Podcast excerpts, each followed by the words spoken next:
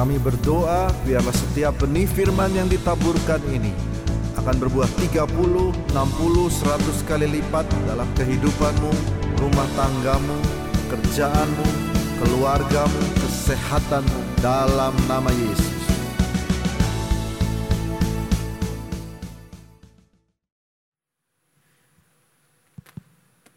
Ya, semua shalom. Puji nama Tuhan. Bapak Ibu sebenarnya tadinya saya telepon Pak Albert, saya bilang, Pak Albert saya mau datang ke gereja, udah lama nggak ke JCC. Tiba-tiba Pak Albert malah minta saya khotbah di sini yang jam 1 ya. Lalu tidak ada yang kebetulan benar Bapak Ibu ya. Tadi firman disampaikan, tema yang nanti akan saya bawakan, semuanya nyambung. Saya hampir mau nangis jujur Bapak Ibu tadi melihat ya JCC luar biasa perhatiannya ya. Karena itu hari ini, kalau tadi Pak Albert bilang ya satu juta coba traktir makan anak-anaknya. Saya kali satu juta tiga belas orang tadi saya tambahkan satu juta per orang ya kali tiga belas. Nanti saya transfer ke gereja buat bapak ibu yang tadi ibu-ibu ya bisa menyimpannya buat tabungan ya menjadi berkat. Puji nama Tuhan. Nah hari ini Bapak Ibu tema yang saya bawakan adalah tentang care ya. Jadi care, sebuah care ya. Ada seorang anak kecil Bapak Ibu datang ke sebuah toko kue. Ya, anak ini datang bersama ibunya. Lalu anak ini ulang tahun. Dia pengen beli kue ulang tahun. Tetapi ibunya nggak punya uang. Sehingga waktu anaknya minta kue, ibunya bilang beli yang kecil saja. Tapi anaknya ingin sekali kue yang dia pilih. Dan dia sudah menunjuk ke sebuah etalase kacanya kuenya. Di sebelahnya ada anak muda pengusaha sudah berusaha. Lalu dia dengar percakapan ini. Lalu dia bilang sama ibunya dan anaknya, biar saya aja yang membelikan kue tersebut buat anak ibu. Ibunya menolak. Ibunya bilang, gak apa-apa kami tetap beli kue yang kecil saja sesuai kemampuan kami. Tapi sang anak muda ini maksa. Akhirnya dia bilang bahwa dia tetap ingin memberikan kue ulang tahun buat sang anak ini. Lalu diberikanlah kue ulang tahun tersebut. Lalu sang ibu bilang, oke okay, kalau gitu boleh gak saya catat nama anak muda tadi. Nanti suatu saat kalau kami punya uang, kami akan kembalikan uangnya. Sang anak tersebut menulis sebuah kertas dan kertasnya diberikan kepada sang anak. Setelah 20 tahun kemudian, ya, ada seorang nenek membawa cucunya datang ke sebuah toko kue. Sekarang yang ulang tahun adalah sang kakek. Tapi kakeknya tidak begitu sehat, jadi kakeknya di rumah. Lalu sang cucu yang dibawa oleh sang nenek datang ke sebuah toko kue tersebut mau beli kue ulang tahun juga buat sang kakek. Lagi-lagi si sang cucu nunjuk sesuatu. Kue yang dia mau belikan buat si sang kakek.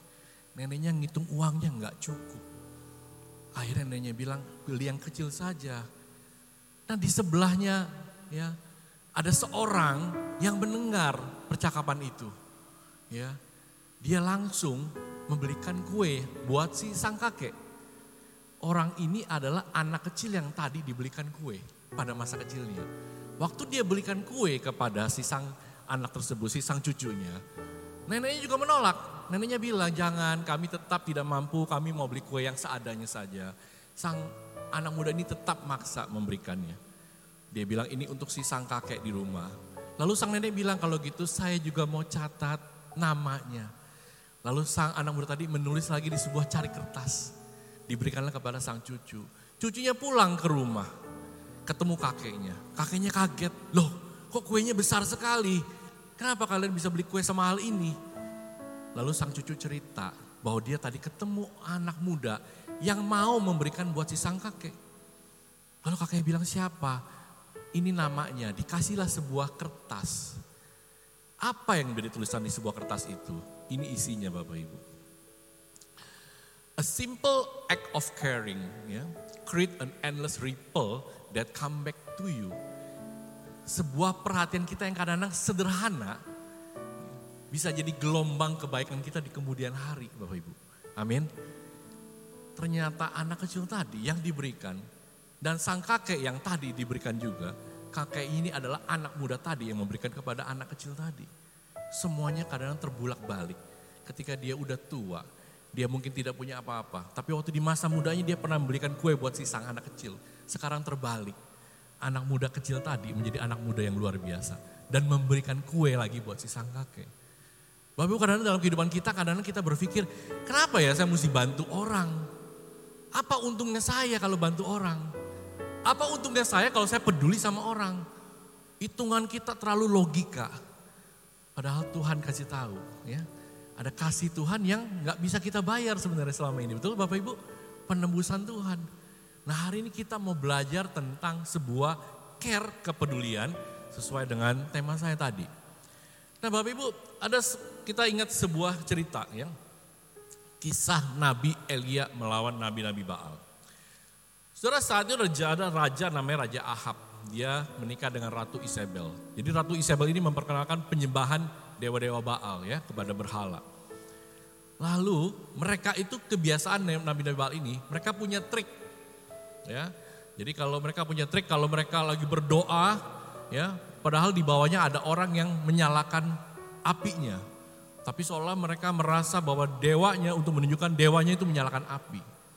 Jadi waktu Nabi Elia menantang 400 ya nabi-nabi Baal, Elia ngajak ke Gunung Karmel. Di mana di sana mereka tidak mungkin bisa menyalakan dari bawah karena di atas gunung. Lalu disiapkanlah dua tungku api. Satu tungku api dari Nabi Elia, satu tungku api dari para nabi-nabi Baal. 400 orang. Elia suruh, berdoalah mereka. Jungkir balik, teriak-teriak, menangis dan segala macam apinya tetap tidak nyala. Apa yang lakukan Elia? Kayu kering tadi disiram air sampai basah. Sehingga akhirnya begitu basah, api yang tadinya kering saja tidak bisa didoakan nyala oleh Nabi-Nabi Baal. Elia berdoa terhadap Tuhan kita.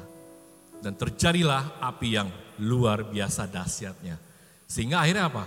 Nabi-nabi Baal ini semua mereka dimusnahkan mereka di, ya, dibunuh. Dan Raja Ahab itu kesel sekali sama Nabi Elia.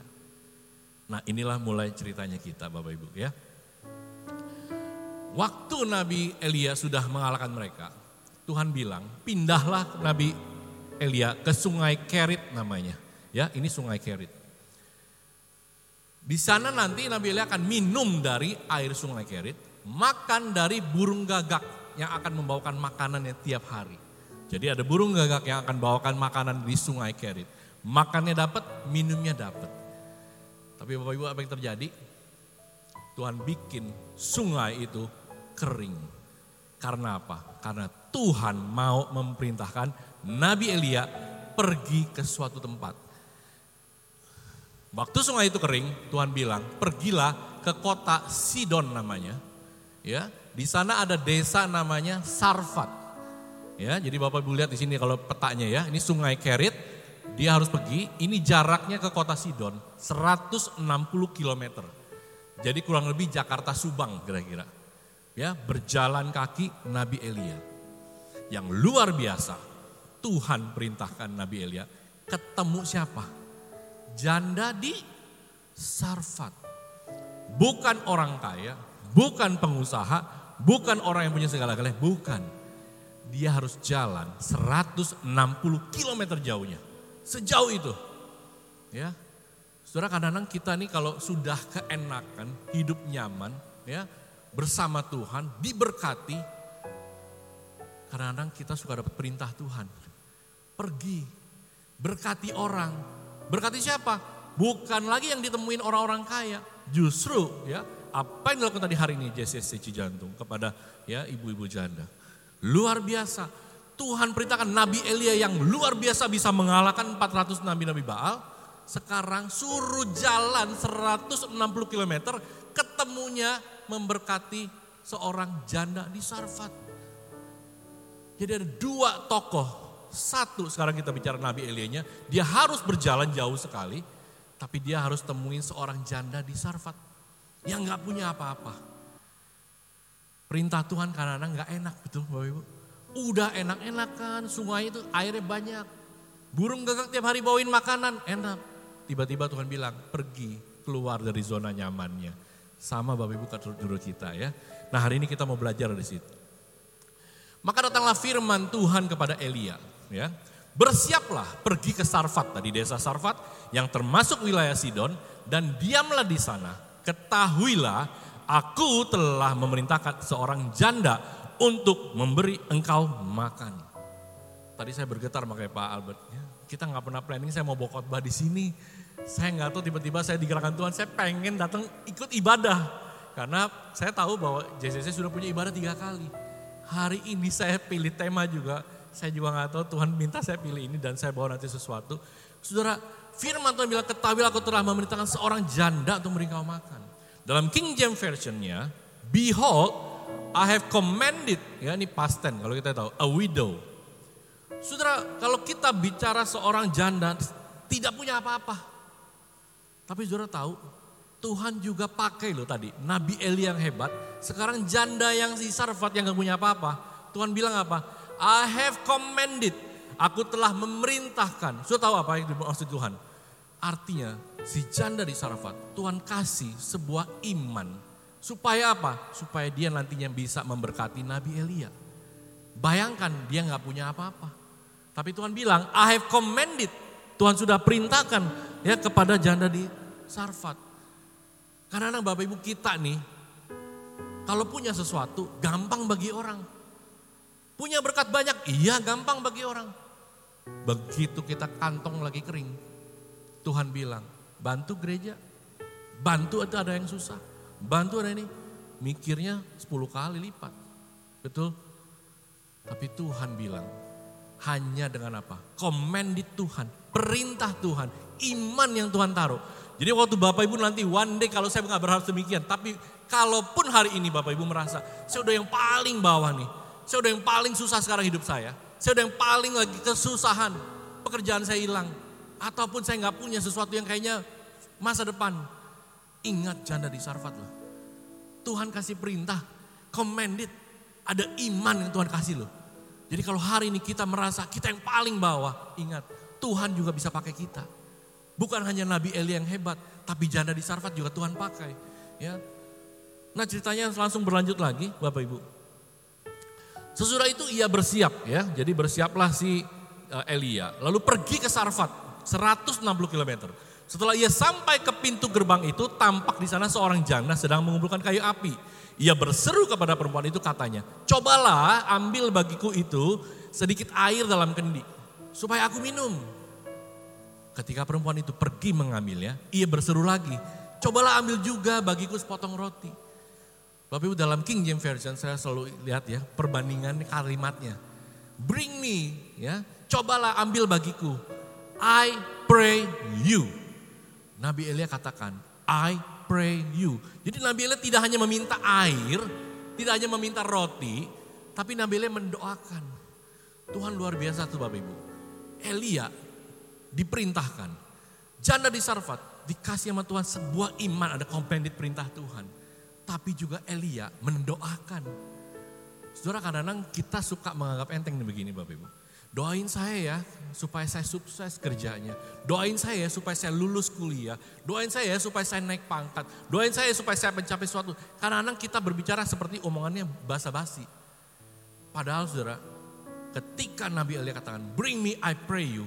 Sebuah doa yang tidak pernah ada. ya Saudara tahu dia lakukan buat seorang janda miskin 160 km dia doakan perintahnya Tuhan. Saudara kalau kita kadang-kadang merasa doa itu nggak penting. Banyak nih kita ya di sini gereja ini saya yakin tidak ada. Orang begitu mau doa berkat udah kabur duluan. Padahal orang nggak tahu, jemaat tidak harusnya tahu. Doa berkat setiap hari Minggu luar biasa Bapak Ibu. Kuasanya luar biasa Tuhan sudah minta hamba-hamba Tuhan di sini berdoa buat kita semua di tempat ini. Bapak Ibu doa berkat luar biasa. Hari ini kita belajar, pertama tadi iman, kedua bring me I pray you ya. Nah, saya lanjutkan lagi. Perempuan itu menjawab, demi Tuhan Allahmu yang hidup sesungguhnya tidak ada roti padaku sedikit pun kecuali segenggam tepung dalam tempayan, sedikit minyak dalam buli-buli. Dan sekarang aku sedang mengumpulkan dua tiga potong kayu api, kemudian aku mau pulang dan mengolahnya bagiku dan bagi anakku. Dan setelah kami makan maka kami akan mati. Tetapi Elia berkata kepadanya, janganlah takut, pulanglah. Buatlah seperti yang kau katakan, tetapi buatlah lebih dahulu bagiku sepotong roti bundar kecil daripadanya, dan bawa kepadaku, kemudian baru kau buat bagimu dan bagi anakmu. Elia nggak bilang begini, oh iya nggak, oh, cuma sedikit ya, oh ya kayak kalau gitu, bikin jadi tiga, buat kamu, buat anakmu, dan buat aku. Enggak, Elia bilangnya apa? Bikin dulu buat aku, baru kamu dan anakmu. Udah jelas-jelas tinggal dikit. Elia ngomong gitu. Saudara janda di Sarfat maupun kita ketika kita hidup kita lagi susah kalau Tuhan sudah perintahkan. Saudara harus langkah dengan iman. Percaya. Karena apa? Karena waktu janda ini lakukan. Akhirnya dia mendapat berkat yang luar biasa. Betul? Makanan dia nggak habis-habis. Coba kalau dia nggak punya iman yang ditaruh Tuhan. Coba kalau dia nggak didoakan juga oleh Elia. ya Dan dia nggak percaya. Dia mungkin tidak akan lakukan tapi dia lakukan. Dia percaya, dia buat dulu buat Elia, baru akhirnya buat dia dan anaknya. Tetapi firman Tuhan katakan, dia tidak mati, tapi malah berkelimpahan makanannya. Ikut perintah Tuhan. Kadang-kadang nggak masuk di akal kita, nggak masuk logika kita. Tetapi itulah yang Tuhan mau buat kita lakukan. Amin. Waktu saudara dan saya diberikan iman sama Tuhan, percaya sama Tuhan, lakukannya itu, ya. Karena saya itu saya ambil satu kesimpulan. Hati yang peduli dipersiapkan lewat iman, doa, dan tindakan. Saudara bisa care karena saudara dipersiapkan Tuhan lewat iman. Karena orang yang nggak mampu, nggak mungkin dia bisa memberikan. Orang yang nggak punya apa-apa, punya bisa dia punya hati mau dia tidak mungkin kalau bukan Tuhan yang siapkan. Kalau Tuhan bisa berikan dia iman, doa, dan tindakan. Ya, jadi yang pertama Bapak Ibu, topik saya adalah care when you have nothing. Saudara harus peduli, waktu saudara juga nggak punya apa-apa. Waktu saudara punya sesuatu betul gampang, tapi when you have nothing itu yang paling susah. Topik saya kedua ya, ini bicara waktu karena saya akan persingkat. Saudara seperti saya sampaikan bahwa hari ini saya membawa sebuah teknologi namanya AI, Artificial Intelligence ya. Saya yakin sih beberapa ada anak muda AI Virtual Human. Ya, ini akan menjadi nanti di kemudian hari Bapak Ibu akan ketemu nanti banyak mungkin hospital, ya, rumah sakit, restoran, kantor dan segala macam ya dilayani oleh virtual human yang punya AI, punya otak. Nah, kami ini mempersiapkan sebuah virtual human yang kami tanamkan supaya nanti bisa menguasai 66 kitab dari kejadian sampai wahyu. Jadi Bapak Ibu tinggal tanya sama virtual humannya, dia akan jawab sesuai yang ada di Alkitab. Ya, tentunya ada pengetahuan lainnya tentang misalnya kalau saya tanya siapa presiden di Indonesia, pasti dia bisa jawab. Siapa perdana menteri Singapura, dia juga bisa jawab. Tapi sekarang yang saya mau, mau uh, bawakan di sini adalah bagaimana sebuah teknologi itu bisa membantu kita dalam apa? Dalam hal belajar. Ya. Nah, sebelum saya masuk di sini Bapak Ibu.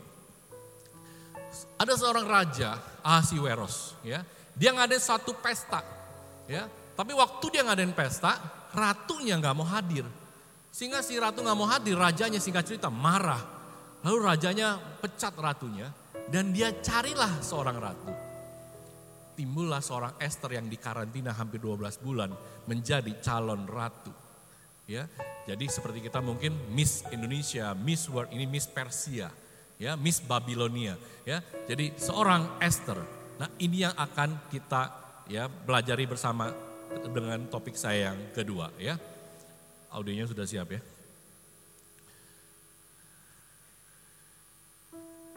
Hai Vivi, Shalom, apa kabar?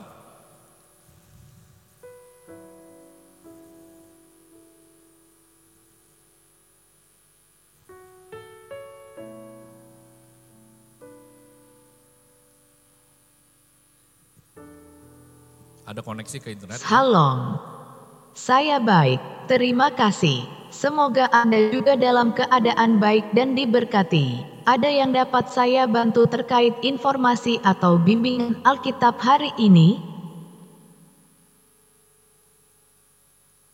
Siapakah Ratu Esther dan ceritakan dengan singkat?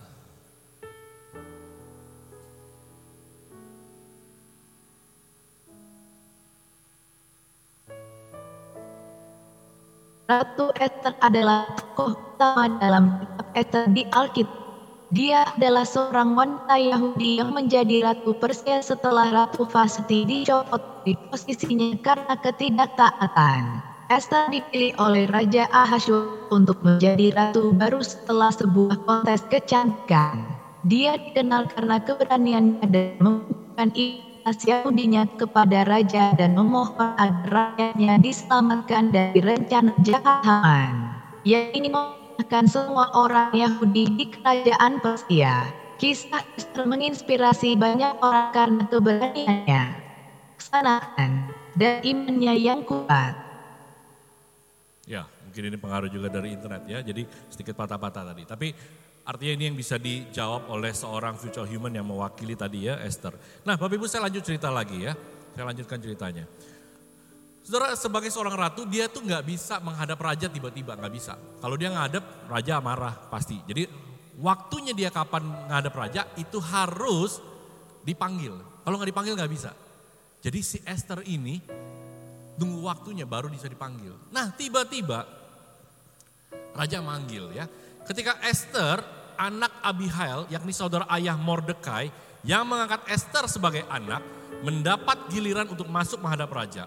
Maka ia dikatakan tidak menghendaki sesuatu apa pun selain daripada yang dianjurkan oleh Hegai sida-sida raja, penjaga para perempuan. Maka Esther dapat menimbul kasih sayang pada semua orang yang melihat dia.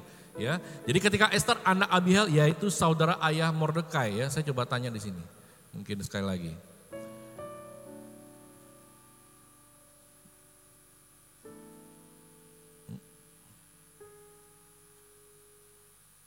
Mungkin di lagi ya. Oke, nah Bapak Ibu singkat cerita. Jadi Esther ini tiba-tiba Bapak Ibu ya, dipanggil. Tapi yang luar biasa apa? Tentu, jika Anda memiliki pertanyaan bila atau memerlukan penjelasan tambahan mengenai Ratu Esther atau topik lain dalam Alkitab, jangan ragu untuk bertanya. Saya di sini untuk membantu Anda. Ya inilah virtual human Bapak Ibu ya, nggak nurut sama kita ya. Baik, nggak apa-apa. Nah Bapak Ibu, ke cerita waktu dia ya dipanggil sama raja, dia bilang dia nggak mengendaki apa pun Bapak Ibu. Sudah tahu waktu Salomo ya, Salomo waktu dipanggil sama Tuhan, dia bilang minta apa? Minta hanya bisa membedakan yang baik dan jahat. Ya, dan dia akhirnya Tuhan kasih apa? Tuhan senang akan jawaban Salomo. Dikasihlah kekayaan, umur panjang segala macamnya. Saudara, seorang Esther dipanggil raja, diminta mau ngapain? Minta apa? Enggak. Saudara, orang yang care peduli sama orang, bukan orang yang mentang-mentang. Apa aja mau, apa aja minta. Saudara nggak punya, misalnya gini, tetangga punya mobil, tetangga punya rumah baru. Padahal kita nggak butuh. Tapi kita ngotot sama Tuhan. Tuhan kasih dong rumah baru. Tuhan kasih dong jabatan baru. Tuhan kasih dong tempat yang baru. Padahal kita ini nggak membutuhkan Tuhan tahu. Tuhan tahu kebutuhannya kita. Itulah Esther, seorang yang care, seorang luar biasa Bapak Ibu ya. Dia sangat care sehingga makanya dia ya dia dipanggil raja, dia nggak mengendaki ya. Lalu dia dikatakan bahwa raja itu sangat senang, makanya raja akan memberikan dia segalanya. Nah, adapun Esther ini tidak memberitahukan asal usul dan kebangsaannya seperti diperintahkan kepadanya oleh Mordekai. Ya, ini sekali lagi saya coba lagi ya, siapa nih Mordekai ya mungkin. Siapakah Mordekai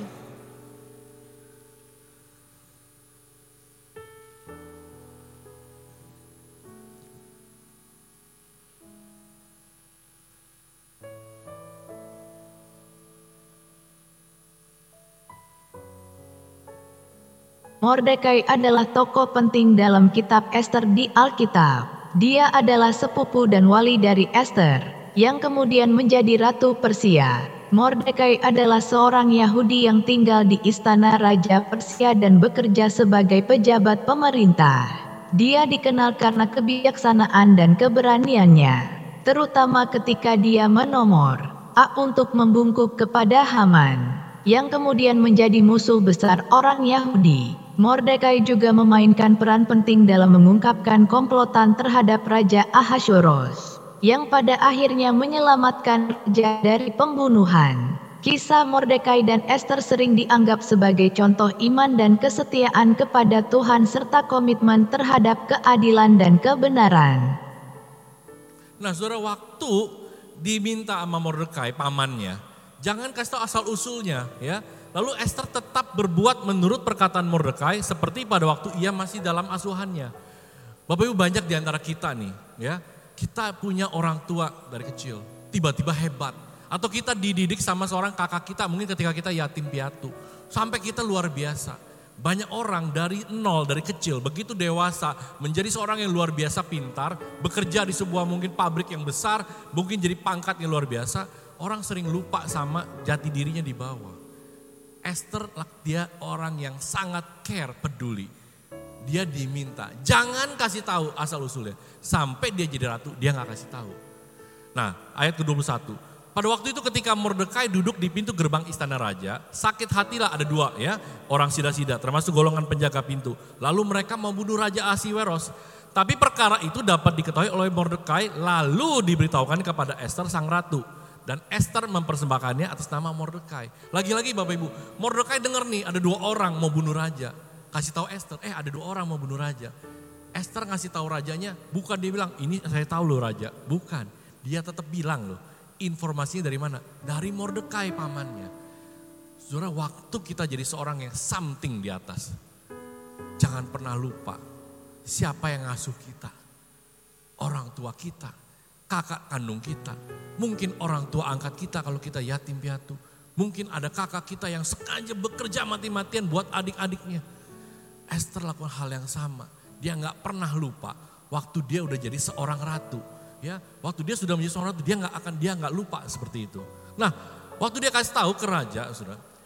Raja ini bukannya malah kasih penghargaan kepada Mordekai yang dengar ada sida-sidanya mau ya mau, di, mau, mau bunuh dia, tapi kasih penghargaan kepada si Haman. Ya, nah Mordekai ini orang yang luar biasa Bapak Ibu ya. Dia nggak ngiri nih, ya dia padahal yang berjasa sama raja, tapi Haman jadi luar biasa. Singkat cerita Bapak Ibu ya, karena ini masalah waktu. Haman tiba-tiba menjadi seorang pejabat yang luar biasa, punya kedudukan karena merasa habis itu setelah sida-sidanya itu dibunuh, ya. Lalu Haman ngelihat Mordekai di pintu gerbang.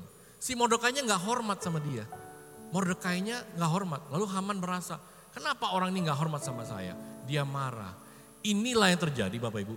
Si Haman mau membunuh si Mordekai. Tapi buat dia ngebunuh Mordekai itu terlalu kecil. Yang dia mau bunuh sekarang apa? Seluruh orang Yahudi yang dia mau bunuh. Dia pengen bunuh orang Yahudi. Ya, sampai satu singkat cerita akhir diketahuilah oleh si Mordekai. Mordekai kasih tahu si Esther Bapak Ibu ya. Sorry. Mordekai kasih tahu Esther. Nah tadi saya cerita Esther itu nggak bisa ngadep raja kalau nggak dipanggil. Jadi si Esther bilang sama, sama si Mordekai, dia nggak bisa kasih tahu raja nih bahwa si Haman pengen bunuh orang Yahudi. Lalu Mordekai bilang, ya dalam cerita ayat, ayat 13. Jangan kira karena engkau di dalam istana raja, hanya engkau yang terluput di antara semua orang Yahudi. Sebab sekalipun engkau pada saat ini berdiam diri saja, bagi orang Yahudi akan timbul juga pertolongan. Saudara singkat cerita, ya posisi kita di mana pun itu Tuhan sudah taruh. Ini yang Mordekai maksudkan. Mungkin Esther memang menjadi ratu karena apa? Karena Tuhan mau pakai Esther supaya bangsa Yahudi diselamatkan. Ya, dan memang singkat ceritanya Esther menghadap raja. Dan akhirnya kita tahu bahwa Haman ya malah jadi digantung. Ya. Jadi sebagaimana sebuah seorang Esther yang luar biasa sudah jadi ratu, dia tetap ingat sama orang yang mendidik dia. So ada sebuah video singkat aja ya.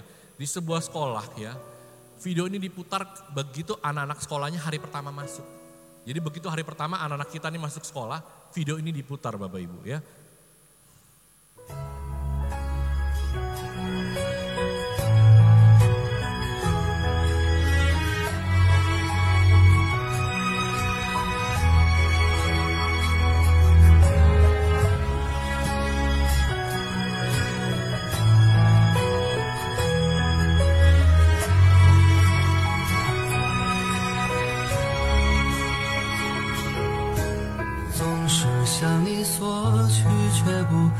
说谢谢你。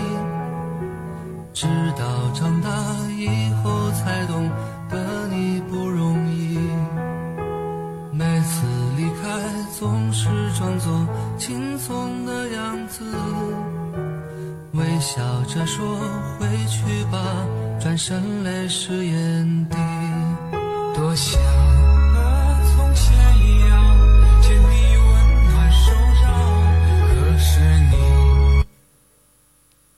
kedua, care when you got power.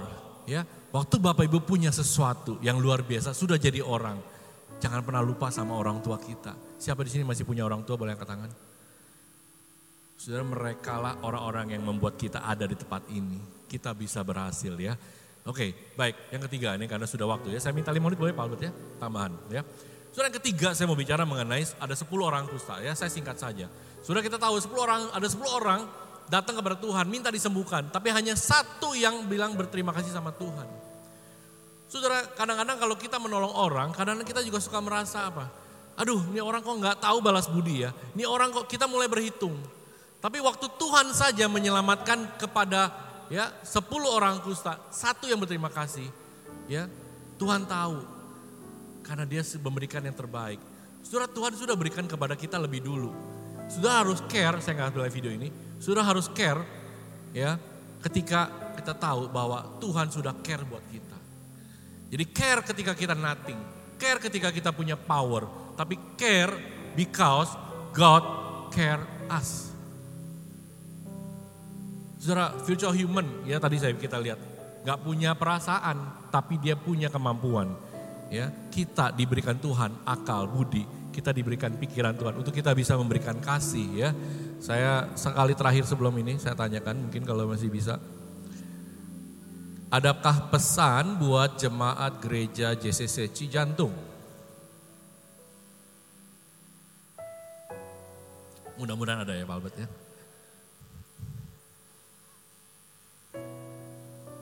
Sebagai umat beriman, marilah kita selalu mengingat pesan yang terkandung dalam kitab Esther tentang pentingnya keberanian, iman, dan ketekunan dalam menghadapi cobaan. Seperti Esther dan Mordekai, kita dipanggil untuk berdiri teguh dalam kebenaran dan keadilan, serta mempercayakan hidup kita kepada rencana Tuhan yang sempurna. Semoga kita semua dapat menjadi terang bagi dunia dan menjadi saksi kasih Kristus di mana pun kita berada. Tuhan memberkati jemaat gereja JCC Cijantung. Berikan kemudian bagi nama Tuhan. Last slide ya sebelum kita habis ini tutup ya. Saudara dua serigala. Yang satu darkness ignore. Galak, gak peduli. Kalau dia punya makanan dia gak mau berbagi sama serigala lainnya. Dia merasa itu miliknya dia. Yang satu lagi serigalanya lembut, light and care. Waktu dia punya makanan, dia mau berbagi sama serigala-serigala lainnya. Dia kasih makanannya. Mana yang lebih kuat menurut Bapak Ibu? Serigala yang darkness atau serigala yang light and care? Saudara kadang-kadang kita seperti serigala yang darkness. Saya sudah kerja keras, 7 kali 24 jam, mati-matian. Saya punya uang, saya punya segalanya karena saya kerja keras.